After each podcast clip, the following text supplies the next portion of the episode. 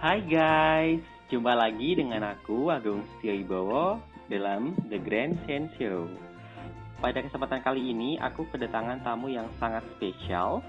Beliau bernama Bahtiar Jamaluddin uh, yang sangat menginspirasi saya karena beliau merupakan owner dari sewa busana betawi.com dan uh, sanggarnusantara.com. Hai Bang, apa kabar Bang? Eh hey, Mas Agung, Alhamdulillah baik. Apa kabar juga nih? Baik. Oh iya, tadi perkenalan dari saya uh, keliru nggak tadi? Saya Busana keliru nggak tadi? Oke, okay, good, oh, Oke okay, ya. uh, oh iya, jadi gini teman-teman, Bang Bahtiar ini uh, adalah salah satu jebolan Abang None Jakarta. Lebih tepatnya hmm. lagi dari kota administrasi Jakarta Barat, Bang ya, bener ya? Betul. Beliau juga merupakan alumni Kang Nong Tangsel kalau nggak salah ya Bang ya? Iya benar. Wah wah wah. Ini sangat-sangat luar biasa ini jarang-jarang uh, apa ya alumni duta wisata yang concern dengan apa namanya uh, mm-hmm. urusan melestarikan ya uh, mm-hmm. busana gitu kan. Oh ya, yeah. by the way uh, sudah berapa lama Bang uh, berbisnis di bidang ini Bang? Kalau dibilang berapa lama dari eh, awalnya itu dari nggak sengaja juga ya Mas ya, dari tahun 2007. Tapi full ditekunin itu konser di sini mulai 2011 eh, begitu. Oh, jadi kira-kira sudah satu dasar sekitar 10 tahun ya, wah wah. Sudah luar biasa bisa eksis 10 tahun itu nggak mudah loh, karena sekarang uh, sejak ada internet kan persaingan luar biasa ya sekarang ya. Ada Instagram ada YouTube semua orang bisa hmm. berjualan bisa menyewakan mungkin baju baju adat online gitu kan. Nah gimana nih hmm. bang? Uh, apa ya? Bisa bisa bisa diceritakan nih karena aku dengar dulu kalau nggak salah modalnya itu udah hanya dari satu pasang baju abnon ya nggak sih? Iya betul. Bisa share oh, mungkin. Iya. ya alhamdulillah makasih Mas Agung jadi uh, sedikit berbagi cerita lah ya. Kita dulu kami ini kenal Mas Agung dari 2010 ya Mas Agung ya? Saya iya, benar-benar. Nah, sama-sama duta wisata Mas Agung dari Jawa Timur, Rakaraki, saya dari yeah. Abang Jakarta begitu.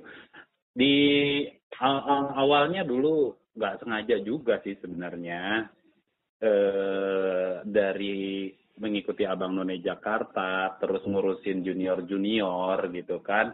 Terus juga di 2000 eh, apa se 10 adik nikah itu kita kebetulan Betawi. Kemudian eh, saat itu bingung, kita pengen yang Betawi tapi di Jakarta kok nggak ada yang pas rasanya begitu kan. Hmm. Ya sebagai juga anak Betawi, kemudian dari Abang None rasanya terpanggil gitu gergetan juga gitu gemes. Wah kok adat Betawinya kayaknya kurang pas gitu kan. Perlu pembenahan di sana di sini dan lain-lain. Akhirnya dengan persiapan satu bulan adik mau nikah kita kerjain sendiri semuanya. Alhamdulillah eh, itu bisa berjalan dengan lancar. Eh malah banyak pertanyaan permintaan permintaan ya begitulah dari situ.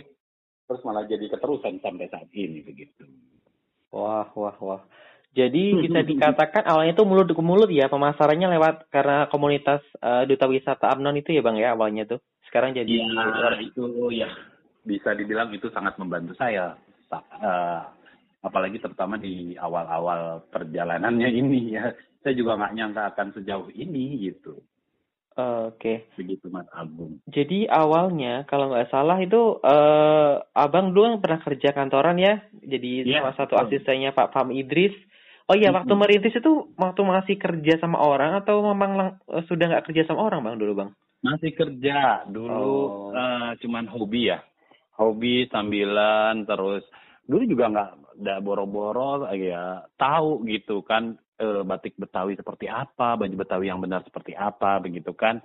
Begitu ikut Abang Noni baru tahu ternyata batik Betawi itu luar biasa, bagus-bagus dan saya kok suka gitu. Yang saya tahu dulu cuman batik tuh Jawa. Setiap saya ke Jogja, saya ke Solo, aduh saya tergila-gila batik dengan dengan batik. Menurut saya batik tuh hanya coklat, hanya warna sogan dan kain panjang dan itu batik tuh hanya Jawa gitu kan. Ternyata begitu saya uh, dulu ketika saya bekerja di uh, mantan Menteri Perindustrian Pak Famidris beliau uh, uh, saya suka uh, suka ikut di acara-acara beliau mendampingi bapak dan ibu untuk kunjungan untuk uh, apa peresmian uh, acara oh saya ingat waktu itu gelar batik Nusantara yang di sebagai ketua panitianya dulu Bapak Job Ave waktu menjadi Menteri yeah. Pariwisata kalau nggak salah ya uh, uh, waktu itu mereka mengangkat batik uh, panitianya memakai batik mega mendung gitu. Terus ada stand-stand batik batik ini batik ini batik itu. Uh saya suka sekali gitu kan.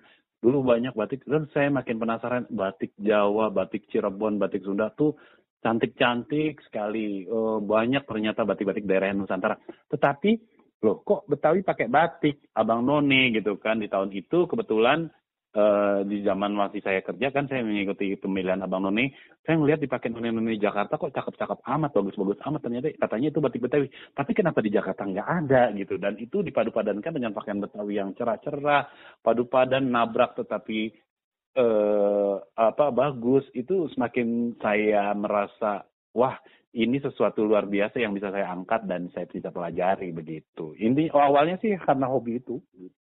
Wah, wah, wah, luar biasa. Ini nggak nyangka ya, jadinya iseng-iseng hobi sekarang jadi pekerjaan iya. utama banget yang memperkerjakan orang-orang sekitar ya, luar biasa.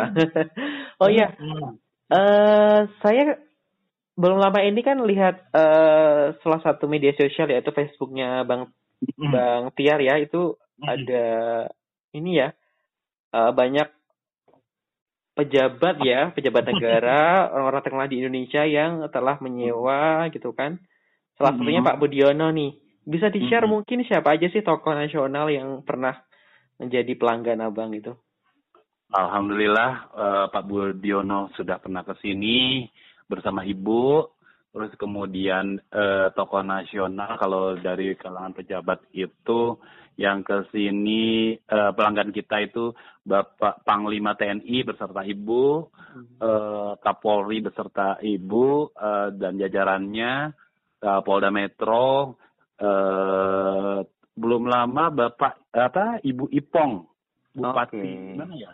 Uh, Ipong itu ya. Ponorogo, benar Ponorogo ya, benar. Dia datang sini uh, beli batik Betawi. Alhamdulillah ikut seneng gitu. Ada kayak ya waktu itu saya posting di medsos gitu.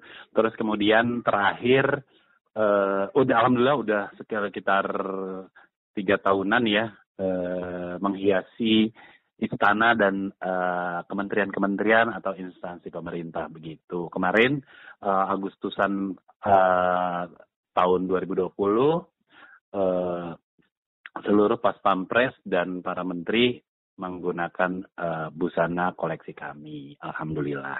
Wah, wah, wah, wah. Saya merasa merinding jujur. Sebagai anak duta wisata kan kita memang dari dulu kan ini bang ya. Kita semua kan memang uh, diajarkan untuk melestarikan mm -hmm. potensi pariwisata dan budaya di daerah masing-masing ya, termasuk di Jakarta gitu kan. Jadi ya. saya merasa sebagai alumni duta, duta wisata kayak merinding. Wah, ini benar-benar panutan ini kan. Jadi karena kan banyak duta wisata yang uh, kebanyakan ya yang saya lihat itu kebanyakan jadi model, jadi news anchor gitu kan, presenter, MC. Nah, Abang ini beda nih. Dibandingkan dengan lain kan, jadi entrepreneur di bidang uh, busana gitu kan. Nah, itu kan um, ini Bang ya. Awalnya kan dulu hanya fokus ke bersewaan busan Betawi, kemudian Betul. melebar ke Nusantara. Nah, bisa, bisa diceritakan sih Bang, butuh berapa tahun sih? Dari awalnya fokus ke Betawi aja, kemudian menyewakan yang skalanya nasional gitu. ya, semua itu memang berkat permintaan juga dan uh, situasinya ya. Artinya gini, saya melihat prihatin juga ya. Ternyata awalnya saya fokus hanya di Betawi, uh, karena memang itu yang saya kuasai zaman saya ikut Abang None. Hmm. tidak uh, apa namanya saya banyak belajar menghadiri acara-acara kebetawian belajar dari banyak apa para narasumber. Meng, uh, sebenarnya sih dulu juga seperti apa ya uh, fokusnya di busana gitu kan. Karena menurut saya uh, saya tertarik di situ karena menurut saya banyak yang tidak mengetahui kostum yang benar seperti apa dan yang paling dekat dengan Abang Noni saat itu kostum. Dan saya tertarik dengan batiknya khususnya ya. Yang wow cantik-cantik semua begitu. Dan akhirnya uh, itu uh, mulai 2007 ya. Sampai 2011 akhirnya 2012 saya sudah mulai pelan-pelan uh, punya koleksi lain karena memang ada permintaan saat itu. Uh, ada pernikahan adat Betawi yang di mana pengantin perempuannya orang Betawi menikah dengan orang Banjarmasin memakai adat Banjarmasin dan mereka nggak mau tahu harus ada. Wah tantangan juga buat saya. Akhirnya alhamdulillah selesai begitu. Uh, berhasil dan selanjutnya terus terus terus terus Banjar dan uh, dengan adat lain adat lain dan sebagainya sehingga adat Nusantara. Wah wah luar biasa nih. Oh ya Uh, jadi uh, abang merasa sangat terbantu ya pengalaman sebagai abang None dan Kang Nong uh, Tangsel ya. Pengalaman iya. itu sangat sangat mendukung ya, atau bahkan mungkin menjadi kunci keberhasilan itu bang ya, bisa dikatakan begitu bang ya? Ya alhamdulillah. Uh, artinya itu cukup membantu ya sebagai juga mungkin uh, apa ya uh, portofolio ya pengalaman uh, referensi untuk orang-orang uh, sebagai bahan latar belakang landasan saya untuk bisa ya mungkin dipercaya kali ya oleh publik uh, dengan latar belakang saya sebagai abang none Jakarta sebagai Kang Nong uh, Tangerang Selatan kemudian uh, abang Po Depok. Jadi uh, itu saya juga cukup prihatin gitu ya kan di Jakarta dan sekitarnya yang adat Betawi kok sepertinya tenggelam gitu ya. Uh, yeah. uh, apa tidak ada orang yang fokus gitu untuk uh, me, uh, untuk mengangkat budaya atau mempertahankan kearifan lokal aslinya gitu kan.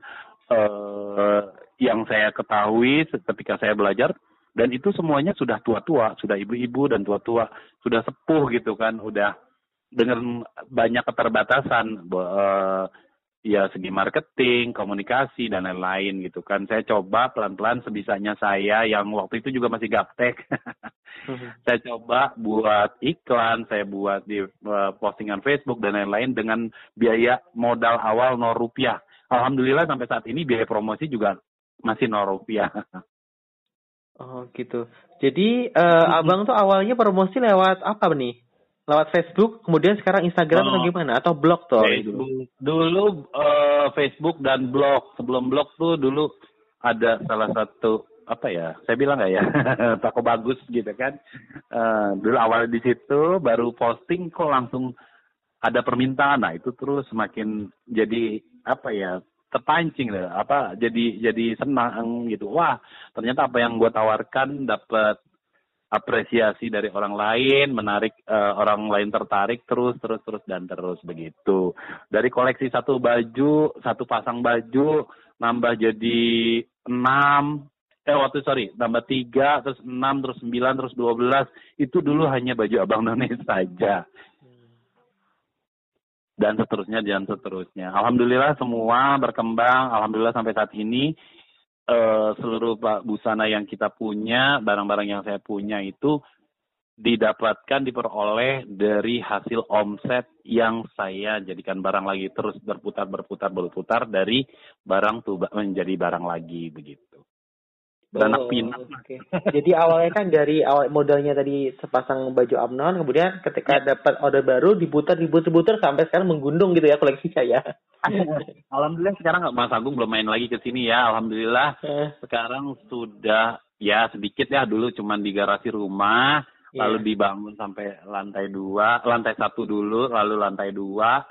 Uh, kemudian uh, sekarang uh, walaupun sempat uh, agak break sebentar apa sempat break nih sekarang karena memang baru sampai lantai tiga nih. Wah, wah. Nah, penambahan di areal depan saya baru bangun lokal 120 meter tiga lantai. Kemudian lagi ini perluasan ke belakang masih ada 200 meter lebih yang siap dibangun untuk tiga lantai. Cuman memang kondisinya masih COVID ya. Oke. Okay. Gitu. Jadi modalnya masih terus dipikirkan. wah luar biasa nih. wah wah wah. Oh iya bang, uh, apa namanya? Hmm. Saya juga pernah lihat postingan abang di medsos ya. Pernah ini ya, pernah diliput atau mungkin pernah diajak salah satu televisi bang ya dulu ya. Bisa di share bang? Ya, gitu, bang. Sering. Hampir setiap tahun, terutama di momen-momen tertentu seperti ulang tahun Jakarta. Uh, uh, para stasiun TV uh, datang ke sini melihat situasi di sini mengambil gambar dan wawancara saat uh, saat pengunjung datang dan lain-lain sebagainya kemudian saat HUT RI kita tahu dalam tiga tahun belakangan ini pemerintah concern kepada tema kebinekaan kebinekaan ya bineka tunggal ika yeah. ya alhamdulillah kebetulan sanggar saya uh, memenuhi uh, permintaan mereka untuk busana adat uh, seluruh Nusantara per kabupaten kota di Nusantara begitu. Wah, wah, wah, amazing sekali itu. oh ya, ini bisa uh, kalau saya selidiki ya, itu mungkin uh, abang merasa ketika memulai itu memulai bisnis -hmm. persewaan busana ini, apakah memang ada momentum karena memang nggak ada pesaing atau gimana tuh? Sekarang jadi boom. Wah, kalau ini gimana tuh? Caranya pesaing sangat banyak ya. Tinggal sekarang era era medsos ya hmm. semua bisa online dan sebagainya, pesaing luar biasa banyaknya. Setiap hari selalu bermunculan bisnis-bisnis serupa, hmm. uh, ya Instagram, medsos ya, Instagram, via Facebook, blogspot, uh, ya, apa namanya uh, website dan sebagainya dan sebagainya begitu dengan sejumlah kemudahan-kemudahan yang uh, menar untuk menarik uh, apa namanya menarik uh, pelanggan begitu kan uh, dengan harga-harga yang juga luar biasa ketat persaingannya begitu. Karena kita juga cuman tidak hanya untuk di sini jasa yang kita tawarkan tidak hanya penyewaan busana, tetapi kan tata rias pengantin, hmm. prosesi adat dan sebagainya begitu. Dekorasi oh, pelaminan, okay. iya.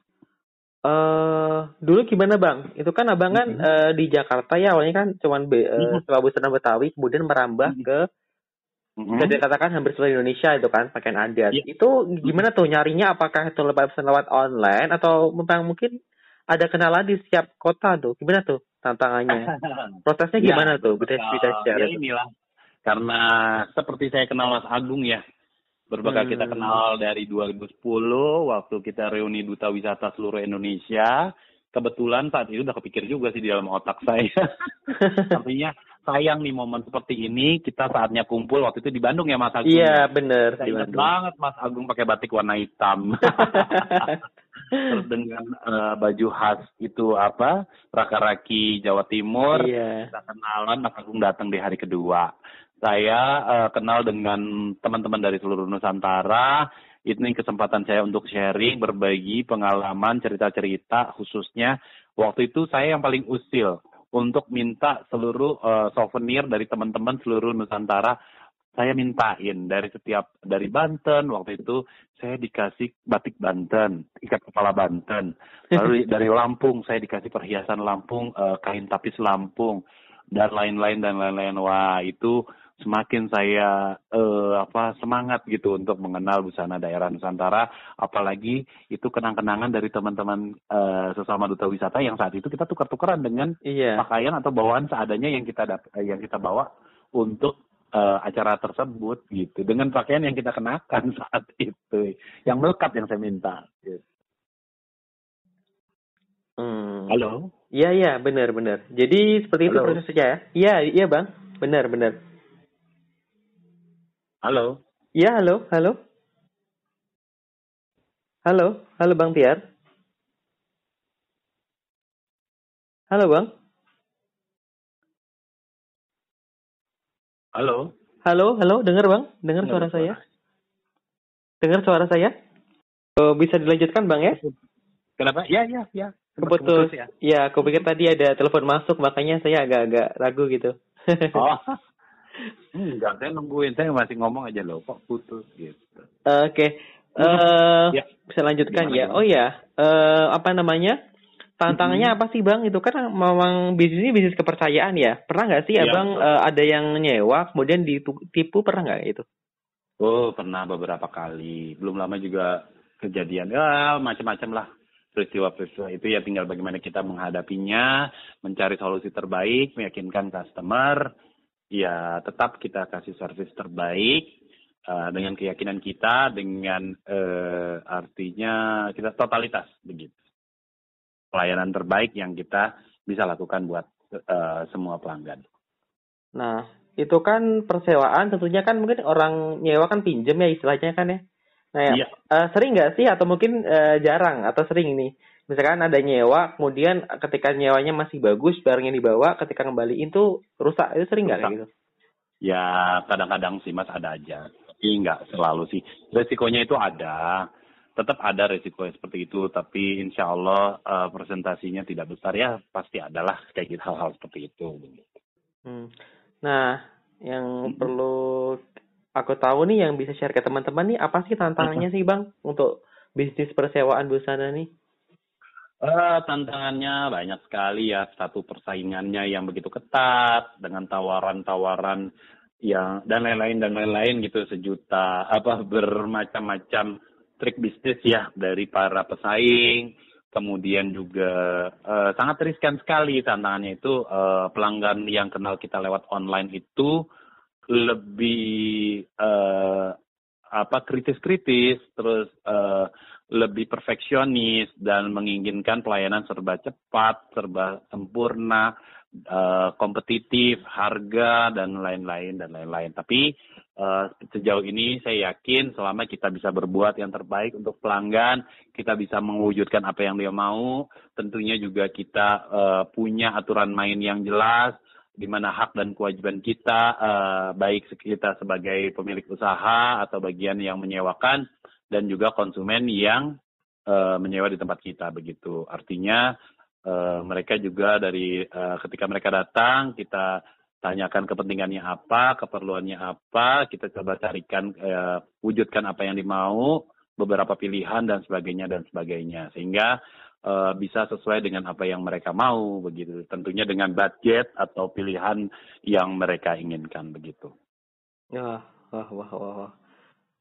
Ini kalau hmm. ya. kalau abang sekarang ini ya riset sendiri ya itu uh, tingkat persaingannya gimana sih bang kalau untuk uh, bisnis bisnis persewaan busana ini bang sekarang di Jakarta oh. khususnya ya? Oh luar biasa sekarang banyak ya mungkin ya banyak uh, sekarang juga menurut saya ya efek dari uh, sekarang media, media uh, apa medsos ya media sosial itu uh, luar biasa uh, berimbas kepada perkembangan usaha-usaha kecil UKM usaha-usaha rumahan yang mungkin dulu seperti kita zaman dulu ya misalkan di satu sanggar itu atau di satu salon itu dia menyewakan baju daerah. Saya rasa dari zaman saya TK sampai saya punya anak TK lagi bajunya barangnya masih itu itu aja yeah. mungkin ya. Sekarang juga lebih update, persaingan lebih ketat, media eh, media sosial, eh, berbagai macam cara bagaimana menarik pelanggan, servis, eh, pilihan, koleksi, harga dan sebagainya itu menjadi tantangan tersendiri buat kita untuk bisa bersaing dengan pelanggan lainnya, ah, pengusaha lainnya yang di bidang yang sama. Begitu Mas Agung. Oke. Nah ini kan abang sudah 10 tahun ya, bahkan lebih mm-hmm. di bisnis ini. Pernah nggak mm-hmm. sih dulu di setahun, dua tahun, tiga tahun pertama kepikiran uh, ketika misalkan kan kalau bisnis kan naik turun nih, pernah nggak hmm. dulu kepikiran sempet mau uh, berhenti aja, pengen uh, balik kantoran, pernah nggak kayak gitu?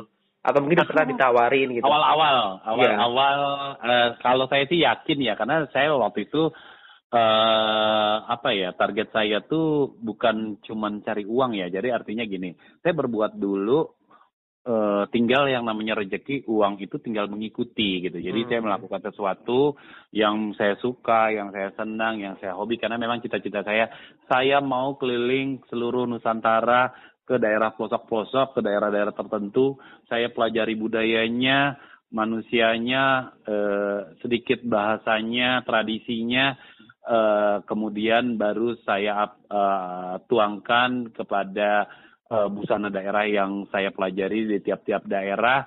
Eh, kemudian juga saya mayoritas hampir 100% eh, busana itu saya buat sendiri. Eh, kita buat sendiri karena menyesuaikan dengan selera Jakarta, selera modern zaman sekarang, tetapi tidak lari dari pakem adat dan eh, koridor-koridor secara adat yang dibenarkan begitu. Oh, wah, wah, oh gitu ya. jadi, jadi dari dulu emang nggak nggak nggak pernah kepikiran ya di awal merintis ini uh, balik lagi ke kantoran gitu atau hmm. sudah mantap dari awal gitu ya? Uh, keluarga sih. Waktu itu ibu saya sempat agak ragu awal-awal. Ibu saya bilang bahwa sempat pernah bilang uh, sebaiknya balik lagi lah ke kantoran. Tapi saya optimis saat itu saya pikir saya bilang belum tahu aja uh, hasilnya.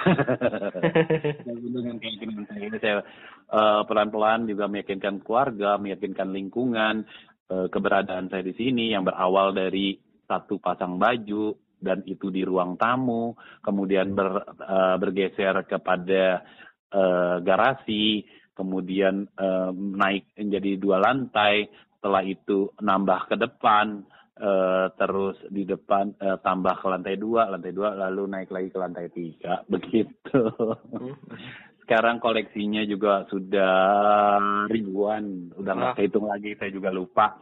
Karena untuk pengantin saja saya punya 178 jenis busana pengantin senusantara. Wah, wah luar biasa. Itu berarti kalau nggak diarsip itu kalau ada yang hilang bisa kacau tuh. Jadi emang harus si uh, arsipannya harus uh, ini ya detail ya, harus datanya ya, ya benar ukurannya. Alhamdulillah itu penempatan busana-busana, kain-kain, aksesoris itu uh, saya masukkan di box-box kontainer itu kita punya box besar saja ada 1.300 kontainer box besar ya untuk menyimpan busana-busana pengantin apa busana pengantin busana daerah begitu. Karena memang uh, biar uh, demi apa perawatannya ya biar mudah dan tetap uh, terjaga dengan baik begitu mas. Apalagi kan ini kalau misalkan ini kan ntar nyucinya gimana ini gimana. Ya, tapi perlu disetrika nggak sih? Baju-baju adat itu kan banyak itu ah, ya, ribet ya itu kan. biasanya kan, kainnya betul, gitu kan. steamer gitu ya Oke. Okay, iya okay. pastinya itu perlu dan perlakuan-perlakuan kayak songket, ulos, penut, uh, batik-batik itu kan punya perlak perlu perlakuan-perlakuan tersendiri diangin-anginkan di uh, apa namanya ya di taruh di kotak yang rapat dan sebagainya dan sebagainya begitu Oh iya, ini kan uh, COVID-19 atau corona kan sudah hampir setahun ya, uh, 10, 10 hmm. bulan mau 11 11 bulan nih gimana hmm. uh, gimana sih dampaknya terhadap bisnis abang ya gitu? Wow luar biasa. gimana tuh? Ya, uh, ya saya rasa nggak cuma saya ya, uh, yeah. hampir seluruh sektor, uh, sektor perekonomian ya, uh, sektor usaha berdampak karena COVID-19. Salah satunya kami ini yang busana daerah yang erat kaitannya dengan event uh, penyelenggaraan acara-acara yang waktu awal-awal kejadian itu wedding kita yang tinggal lima hari itu semua batal. Terus kemudian yang untuk beberapa bulan ke depannya juga semuanya uh, batal dan ada banyak juga yang mundur dan akhirnya batal. Begitu itu ya cukup menguras pikiran uh, uh, kami ya. Kami di sini juga sempat vakum selama dua bulan, uh, karyawan dirumahkan, ya mau gimana lagi karena memang tidak ada pemasukan. Alhamdulillah sejak bulan apa waktu itu ya April kita sudah mulai lagi eh April apa Mei kalau nggak salah Mei, Mei. Mei. Ya, kita Mei. udah aktif kembali sampai sekarang Alhamdulillah ya pelan-pelan sedikit-sedikit sih ada ya mas gitu. Wah wah wah wah. Terus uh, menurut abang sendiri apa sih uh, yang membedakan uh, sewa busana betawi.com dan, dan sanggarnusantara.com sanggarnusantara.com dibandingkan dengan kompetitor sih apa sih yang membedakan atau saling poinnya apa? Mungkin kalau di sini orang datang bingung bukan karena nggak ada bingung dengan pilihan mas. Uh, pilihan adat mana kabupaten apa atau kota apa atau ukuran apa atau warna apa untuk oh, berapa okay. lain-lain. Mau warna apa gitu. Karena kita juga untuk sana daerah ya kita siap dari anak balita sampai dengan uh, dewasa super jumbo 10L busananya jadi karena ya sering uh, kendala ya untuk orang-orang yang bertubuh besar mencari ukuran bajunya tidak ada dan lain sebagainya. Alhamdulillah kita siap dengan itu. Tanpa harus uh, buat lagi dan lain-lain datang untuk seragaman insya Allah solusi teratasi hmm. masalah teratasi ya Oke, okay. kalau boleh tahu, uh, abang nih belajar bisnisnya apakah otodidak atau memang mungkin dari keluarganya pernah ada yang bisnis ya? Ah ya, ayah saya kebetulan juga wira swasta, dan keluarga besar ayah saya juga usahanya konveksi. Jadi saya udah punya dasar di situ oh pantes. Gitu jadi emang uh, keluarga besar kami konveksi. Kemudian uh, ibu saya juga wira swasta. Uh, kopaja keluarga besar ibu saya. Jadi ibu saya malah punya kopaja dulu. Keluarganya keluarga besar pada uh, semua pada punya itu. Keluarga kemudian ayah saya keluarga ayah saya juga konveksi. Jadi uh, kecil saya dekat sekali dengan eh, apa namanya eh, karyawan-karyawan konveksi yang bekerja di rumah ya kita nggak bisa didapat uang jajan kita nggak bisa bayar uang sekolah kita nggak boleh bayar uang sekolah belum belum nggak boleh bayar uang les kalau belum bantu eh, menggunting benang atau melakukan kegiatan-kegiatan penunjang membantu orang tua untuk aktivitas eh, di rumah eh, usaha rumahan begitu. Hmm. Jadi memang sedikit banyak dipengaruhi oleh kedua orang tua bang ya bisnisnya ini bang ya? Iya, ya, eh, apa tadi dibilang konveksi, terus kemudian juga mungkin kalau ayah saya bilang dulu dari kecil udah kelihatan bakat dagangnya. oh. Saya kecil eh, awalnya dulu suka itu loh mas berternak, beternak terus saya dagang telur bebek, jalan telur. Dulu kuliah uh, ambil manajemen atau ekonomi kalau nggak salah ya? Ya, saya kuliah. Saya kebetulan uh, tidak seberuntung Mas Agung yang dapat beasiswa. Bisa aja. Nah, luar biasa. Nggak seperti teman-teman lainnya. Saya lulus, uh, saya dulu SMA dari kejuruan SMK. Uh. Saya jurusan ekonomi uh, apa uh, ya dari ekonomi uh, jurusan saya dulu akuntansi alhamdulillah oh, ya. dapat beasiswa selama sekolah terus kemudian uh, buka begitu lulus dulu masih krisis ekonomi jadi orang tua juga usahanya lagi kacau balau saat itu saya memutuskan memang cita-cita juga sih saya memutuskan untuk uh, kerja sambil kuliah jadi hmm. saya satu tahun lulus dari SMA hanya kerja, kemudian di tahun kedua baru saya mulai kuliah dan itu pun sekolahnya uh, kuliahnya di universitas, universitas terbuka jurusan perpajakan dan lanjut uh, sampai uh, mengambil lagi uh, perpajakan D3 kemudian lanjut ke ekonomi manajemen begitu jurusan manajemen. Ya Wah. memang nggak jauh juga sih dari uh, dari apa dari lingkungan usaha uh, dari pendidikan uh, yang saya jalani itu gitu. Jadi memang sesuai ya pendidikannya uh, terkait perpajakan uh, atau ekonomi ya istilahnya kan memang uh, mendukung ya bang ya itu ya. Dan saya memang passionnya dari dulu senangnya tuh di tourism and culture gitu. Jadi saya suka ke pelosok-pelosok, saya suka ke pasar-pasar, saya suka ke desa-desa, ke tempat-tempat terpencil, ke daerah-daerah, dan itu kebiasaan saya dari kecil ternyata tanpa disadari. Kalau boleh tahu, uh, abang nih uh, pengen jadi pebisnis sejak kapan sih? Atau sejak SD atau mungkin sejak SMA ya bang? Ya mungkin udah terbentuk dari SD ya, mungkin juga didikan orang tua atau mungkin ayah saya juga udah melihat saya sebagai orang yang ini orang anak punya bakat bisnis gitu. Dari kelas 3 SD saya udah berjualan telur, dari saya beternak bebek, saya berjualan telur, saya keliling ke saudara-saudara saya tawar-tawarkan begitu. Wah wah wah wah luar biasa. Dari hobi juga tuh beternak, terus saya punya dulu daerah sini masih halamannya luas, ada rawa-rawa gitu kan dari beli bebek di abang-abang itu kemudian besar-besar dan tambah banyak setiap hari mau sekolah kasih makan bebek terus baru berangkat sekolah gitu. Pulang sekolah nganterin pesanan-pesanan telur, telur yang saya ingat itu dulu seperti itu.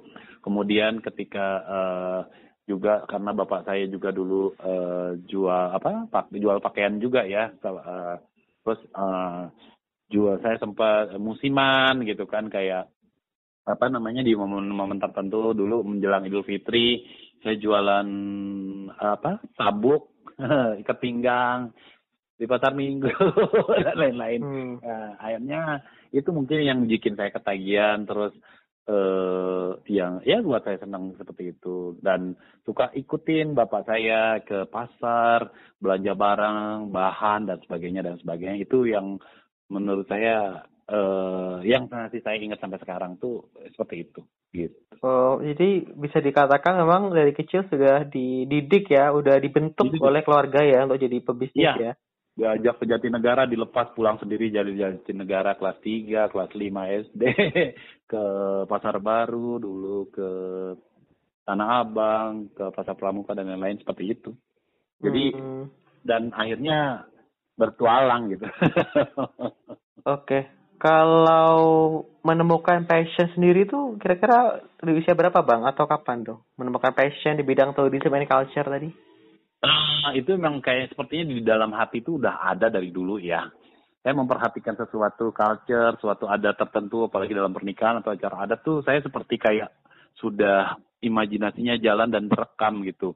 Cuman waktu itu awal-awal saya juga sempat ragu dengan ini karena gini menurut saya uh, yang pasti orang yang berkecimpung di, di, di dunia fashion dalam hal ini busana daerah itu biasanya kan uh, wanita gitu yeah. kan terus kemudian juga uh, apa namanya harus bisa tata rias wajah hairdo dan lain-lain tahu pakem adat dan sebagainya. Bayangan saya ibu Muriati Sudibyo kayak gitu yeah. gitu kan.